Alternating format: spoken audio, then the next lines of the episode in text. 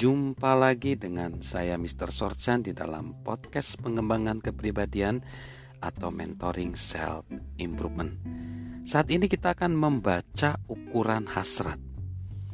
Jadi, seberapa besar sih hasrat kita untuk mengejar impian kita? Apakah kita bangun pada pagi hari dan pergi pada malam hari sambil memikirkan impian kita seperti yang Bob lakukan? Apakah kita mau mengejar walaupun kita tidak dapat mencari nafkah dengan impian itu? Apakah kita mau bertekun, memperbaiki keterampilan dan sikap kita selama lebih dari satu dasawarsa sebelum orang lain mengakui kita bahwa kita berhasil?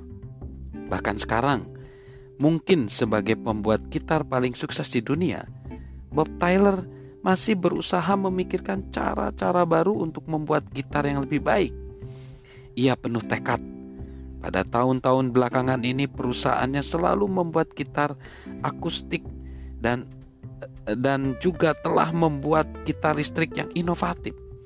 Yang benar-benar luar biasa bahwa bahkan dalam dengan hasrat dan fokusnya Bob adalah pria yang juga terus menjaga keluarganya. Dia terus mengasihi istri dan anak-anaknya.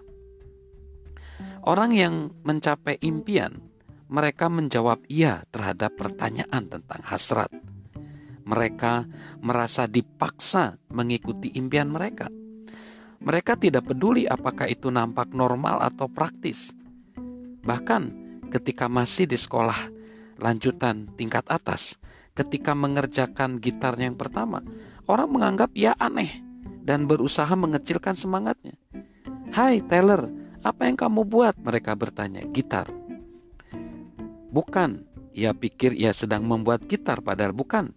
Ia tidak akan pernah menyelesaikannya, ejek mereka. Baiklah, aku tidak sedang membuatnya, Bob menjawab dan terus bekerja. Memang sangat aneh, tetapi ini tidak mengganggu saya karena saya dahulu biasa menjadi orang aneh dan mengerjakan tugas sendiri, ujar Bob. Nah, bagaimana sih kita mengejar hasrat kita, walaupun mungkin orang menganggap kita aneh? Mengenai hasrat, ada skala hasrat. Skala yang paling tinggi adalah 10.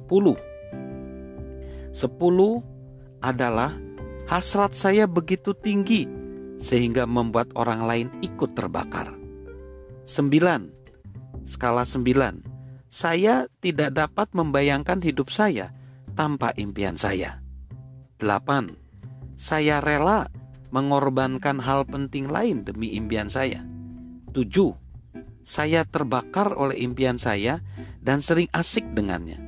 6. Saya menikmati impian saya sebagai salah satu dari banyak minat. 5. Saya dapat menerimanya atau meninggalkannya. Empat, saya lebih suka untuk tidak memikirkannya. Tiga, saya menyimpang dari jalan saya untuk menghindarinya. Dua, saya telah memasukkannya dalam daftar saya untuk hal-hal yang paling tidak favorit. Satu, saya lebih suka menahan sakit tanpa anestesi. Jadi itulah scoresnya. Ya, jadi Bob Tyler untuk gitarnya dia skornya 10. Saya bukan musisi tetapi ketika Bob berbicara tentang gitar, ia membuat siapa pun bersemangat hasratnya.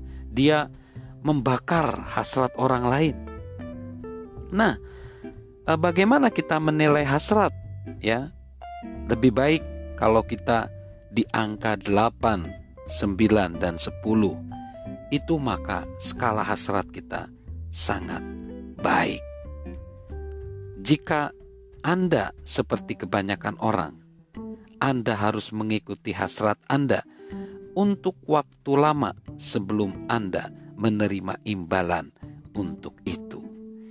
Hasrat selalu di awalnya penuh perjuangan dan selalu tidak ada imbalan, sama seperti Bob Tyler. Tapi setelahnya, hasrat boom akan menghasilkan sesuatu yang tidak diduga. Salam sukses luar biasa dari saya, Mr. Sorjan.